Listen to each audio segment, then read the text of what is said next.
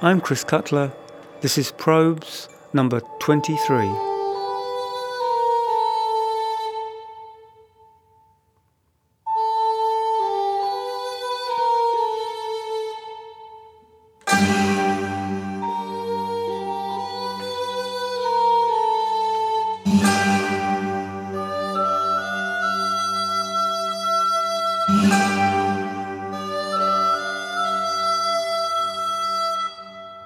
First, let's propose, for the purpose of analysis, three distinct categories of sound speech, music, and noise. And for now, let's make them mutually exclusive. So you can't confuse speech with music or music with speech, and noise is whatever doesn't fit into either of the other two categories.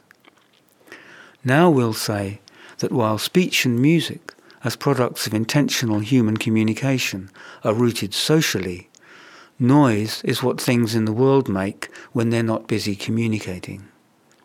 This is not to say that we aren't interpreting these sounds or that noise has no meaning for us, just that noise isn't trying to communicate with us, by which I mean it doesn't form part of any culturally based system of signification. It's just there. So, in the human psychosphere, the elements that make up speech and music necessarily occupy intentional and functional places within formally structured systems. Any sound that lies outside those systems is what we classify as noise.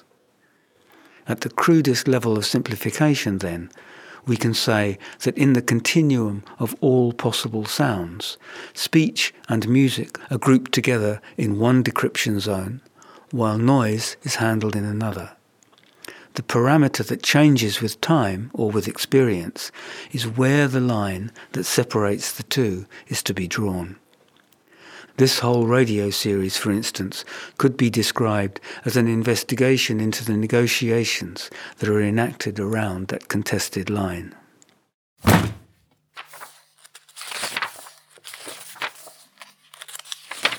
When I consult the latest edition of the Oxford Dictionary, it tells me that music consists of vocal or instrumental sounds, or both, combined in such a way as to produce beauty of form, harmony, and expression of emotion. That's what it says. But I don't think any student or follower of music today could possibly take this definition seriously without concluding either that what our contemporaries call music isn't really music, or that the Oxford Dictionary is seriously out of touch with reality. It's a definition that may have been uncontroversial in the 19th century, but in the 21st, apart from its plain inadequacy in face of common cultural practice, it's no longer credible to propose definitions that deploy words like beauty and harmony as if they weren't even more contested and problematical than the notion they supposedly define.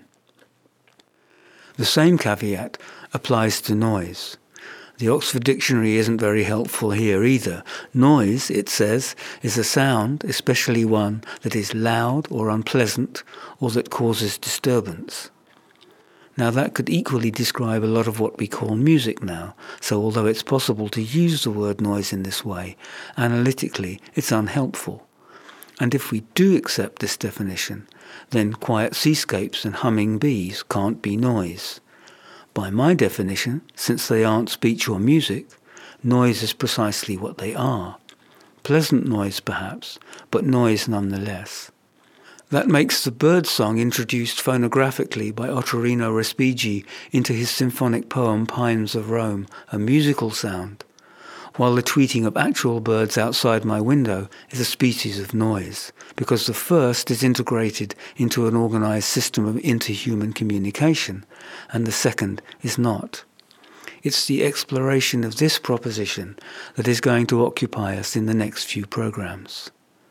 Until now, we've been following composers and performers as they extend performance techniques, modify existing instruments, investigate instruments from the past or from other disciplines, and experiment with resources drawn directly from unfamiliar cultures. However strange the results may have been, the means employed remain rooted in recognized musical universes. Any of the world's musical instruments, however strangely played or modified, is still a recognized instrument, and as such is not required to justify its place at the musical table. It may be called upon to account for its table manners, but its legitimacy is above question. The willful use in the fashioning of concert music of household objects, debris, auto parts, or power tools, however, unless obviously intended to be humorous, would be patently transgressive, since it would knowingly reject the common consensus about where the border between noise and music has been drawn. Which is why the inclusion of non instruments, BW, before the time of Wagner, was either directed to atmospheric, the inclusion of whips and bells to accompany musical sleigh rides, for instance, or comic effect the most elaborate examples of such works must be the toy symphonies, of which the best known is the Cassation in G major, for toys, two oboes, two horns, strings, and continuo, which until recently was attributed to Joseph Haydn. After the discovery of a copied score, it was reattributed to Leopold Mozart, and now, well, nobody's quite sure who wrote it now. Indeed, if anyone did. It may just have been pieced together from different divertimenti, such works being apparently quite popular in mid 18th century Germany. The version we know from copies is seven minutes long and features a toy trumpet, a toy drum, a ratchet, and bird calls, nightingale and cuckoo. This extract is from an enthusiastic Japanese rendition in 1990, conducted by Naohiro Totsuka. Thank you.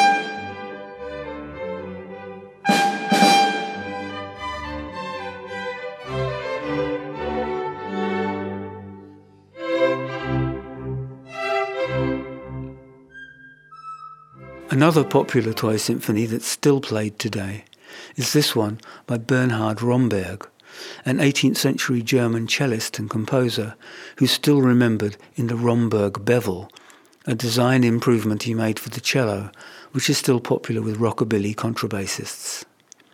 His toy-filled Symphony Burlesque was written in about 1830, and this rather impressive 78 RPM recording of it was made by the New Symphony Orchestra in 1929. It's conducted by Sir Malcolm Sargent.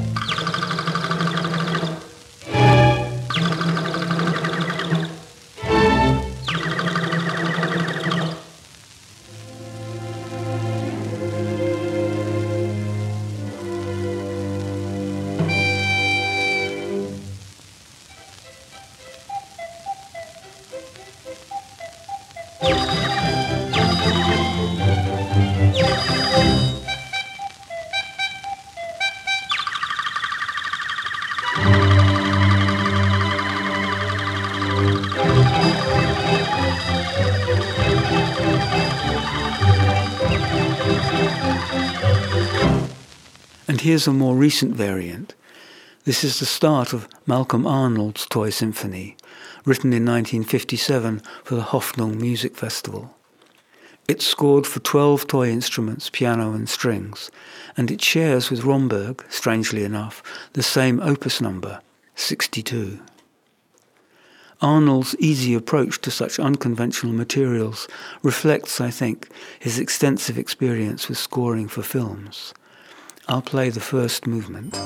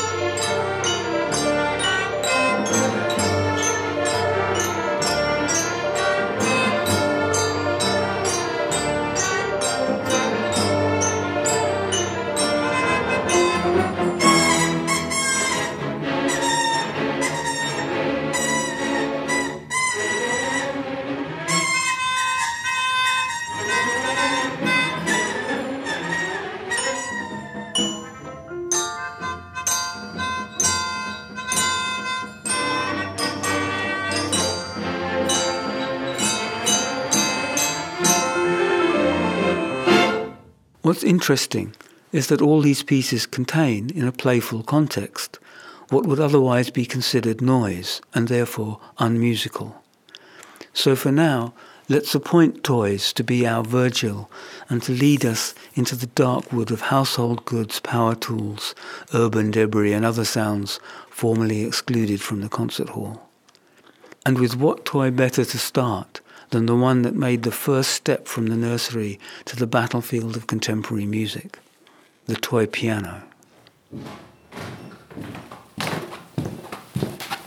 Toy pianos date back to the mid 19th century when the German toy maker Albert Schönhut began to experiment with the idea of using glass rods connected to a keyboard to produce pitched tones.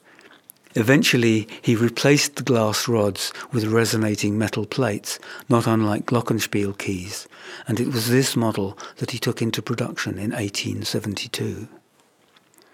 Schönhut's piano may have been a toy, but it anticipated in its core principles the Celesta, named and invented a decade later by Auguste Mustel, though it's still unclear whether the connections between the two inventions were evolutionary or coincidental.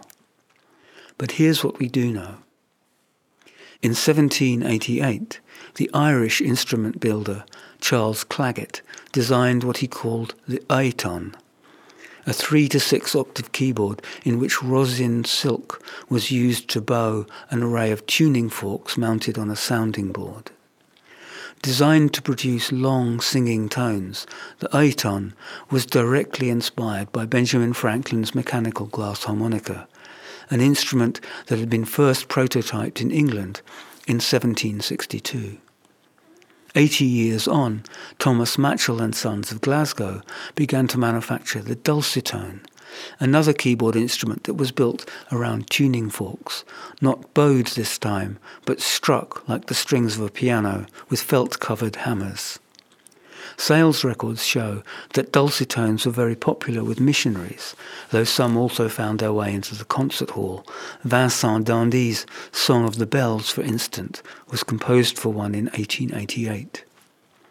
At almost exactly the same time, a similar instrument had appeared in France, designed by the harmonium builder Victor Mustel, called the typophone.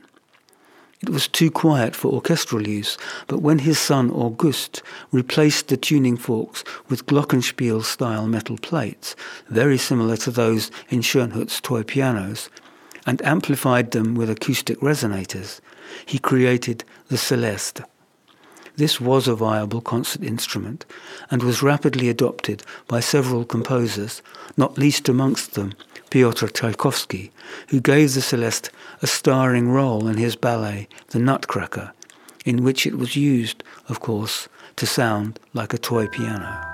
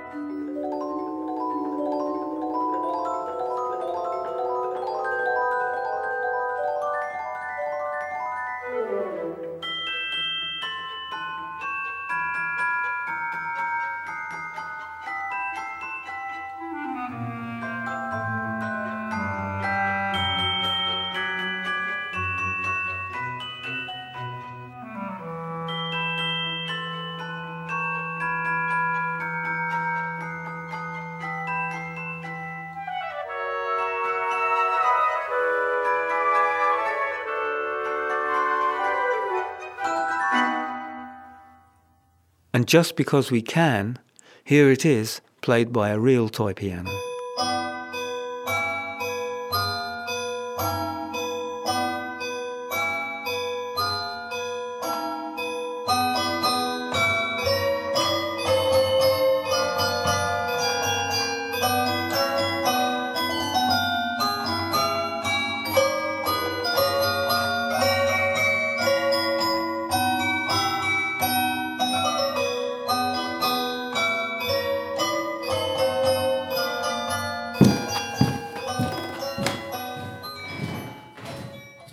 Was 50 years later that John Cage, in a single composition, turned the toy piano itself into an accepted concert instrument. The composition was his Suite for Toy Piano, conceived at Black Mountain College in 1948 to accompany a Merce Cunningham dance performance. Cage had been pursuing experiments with prepared pianos for some 10 years by this time, and he approached the toy piano not simply as a theatrical and transgressive device, but a set of specific sonorities and constraints. These were considerable constraints because the toys Cage had in mind had mostly only seven white notes in a range of one, maximum two octaves, and practically no control at all over dynamics. Here's the second of the five short movements, played unfussily here by Jeanne Kirstein, the first person to record it 22 years after its composition. Seldom mentioned in dispatches, Kirstein was professor of piano at the University of Cincinnati, and it was she who had revived and recorded Cage's prepared piano repertory at a time when everybody, including Cage himself, had more or less forgotten about it. They had met when Cage was appointed composer in residence at Cincinnati University between 1967 and 1968, and subsequently he and Kirstein worked closely together in preparation of Kirstein's performances. The subsequent LP, when released in 1970, did much to boost Cage's visibility and status, and as his biographies report, helped him to refocus his own musical thinking at a time of uncertainty and drift.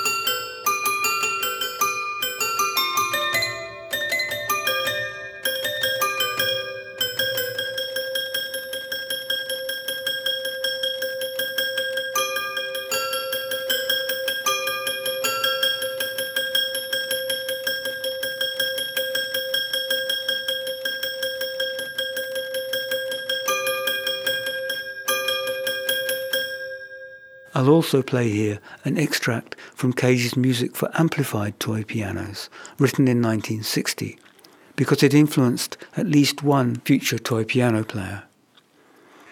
The score consists of transparent sheets, each with indications that control different performance parameters, each performer having to superimpose them in their own way. The amplified sound is then distributed around the audience through four separate loudspeakers scored for any number of players and of indeterminate length, it's calculated never to produce similar performances. Only the nature of the sound might identify the work. The premiere was given at Wesleyan University while the ink was still wet on the score by David Tudor, who chose to play it alone. This version is played by two toy pianists, Xenia Pestova and Pascal Meyer.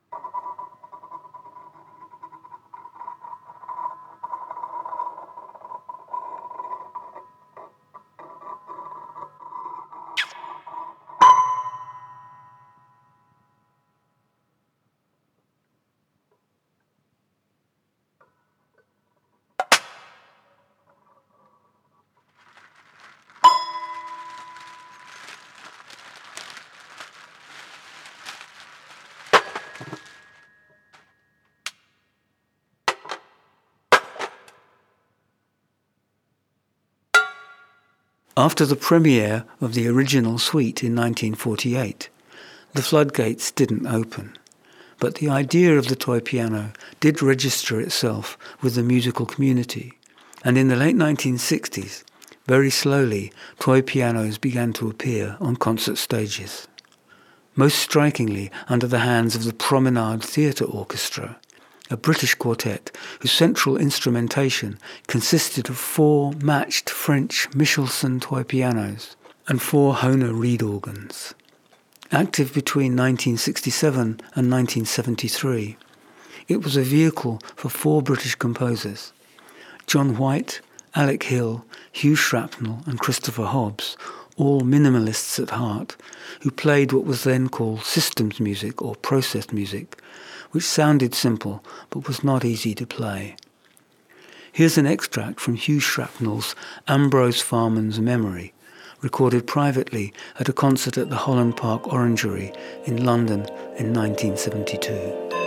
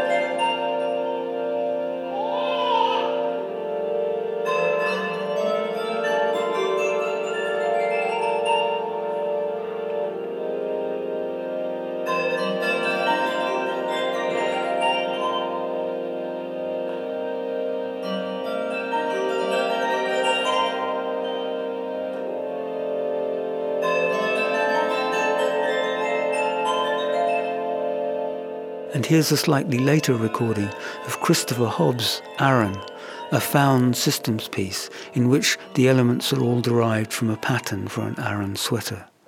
It's played here by Hobbs himself and composer Gavin Bryars.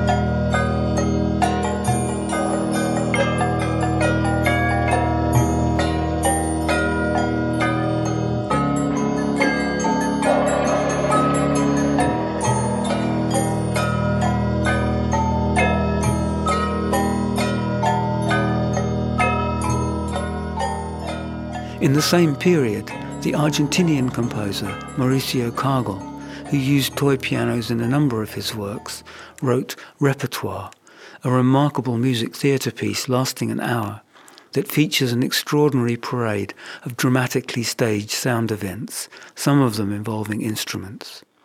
This extract is from a 1970 television production of the work by the Kölner Ensemble für Neue Musik, which is currently available in its entirety on YouTube, and I strongly recommend it.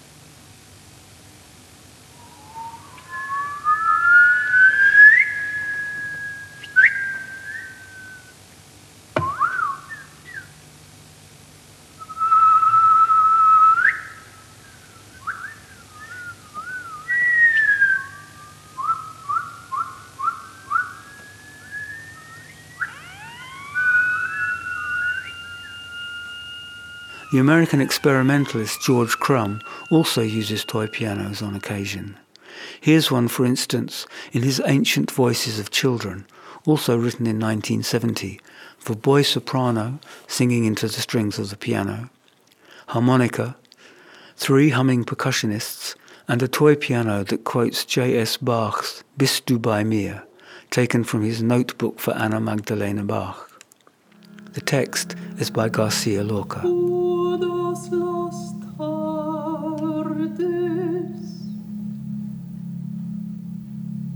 Todos las tardes en gracia.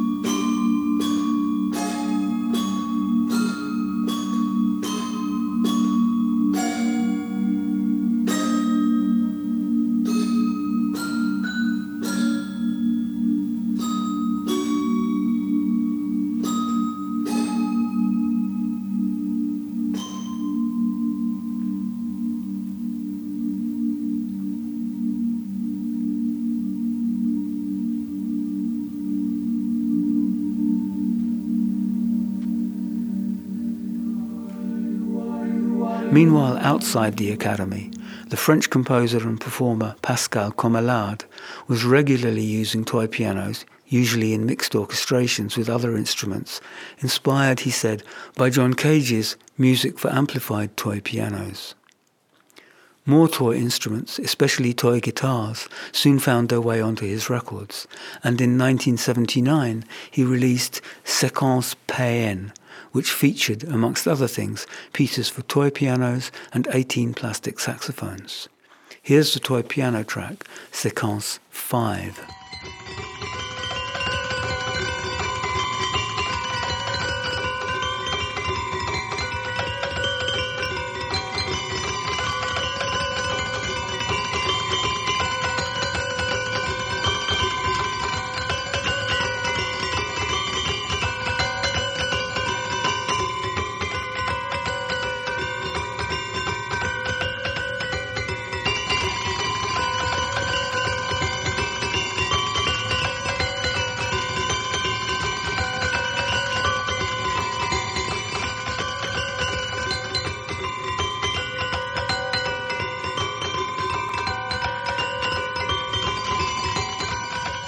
And here's his version of Neil Young's Prime of Life.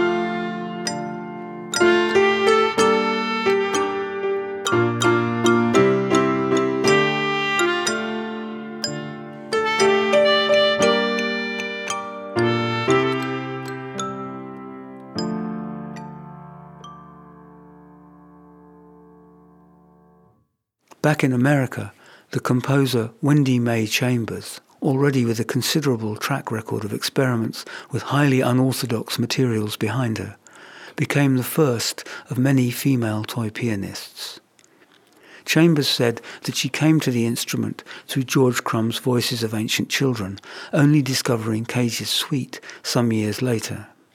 Her first toy piano appeared in Street Music in 1978 which was scored for 30 musicians and a coordinated radio broadcast organized around the musical theme of Close Encounters of the Third Kind. So far as I can tell, she was the first person to present an entire concert solely of toy piano music at New York's Knitting Factory in 1990. In 2009, Kun for 64 toy pianos was premiered in Miami, and although unhappily no listenable recording exists, we do have a rehearsal detail from one of the sections for four pianos.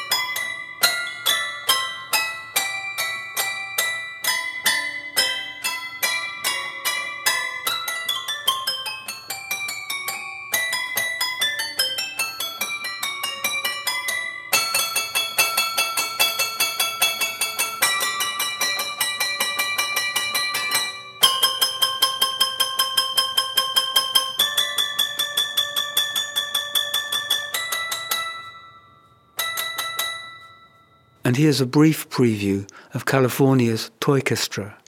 We'll be formally introduced to them in the next program, making a feature here of the toy piano in their Feathers Dusted, recorded in 1996.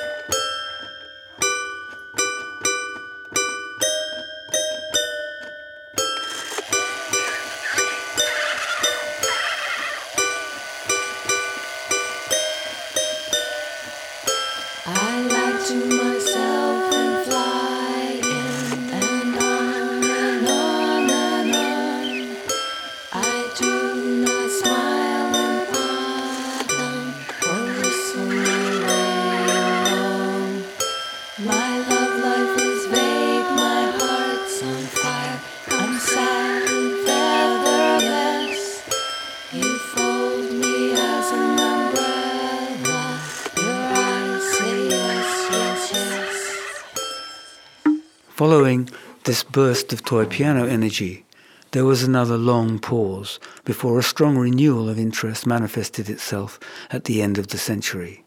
So while we wait for that, I'll sign off this program with Pascal Comelade's Bal de la Calenda.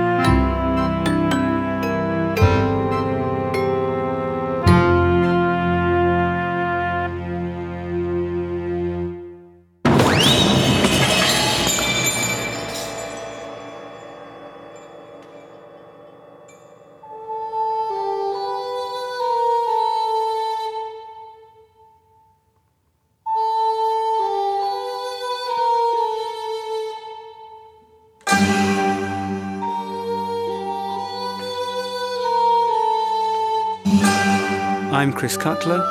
This has been Probes.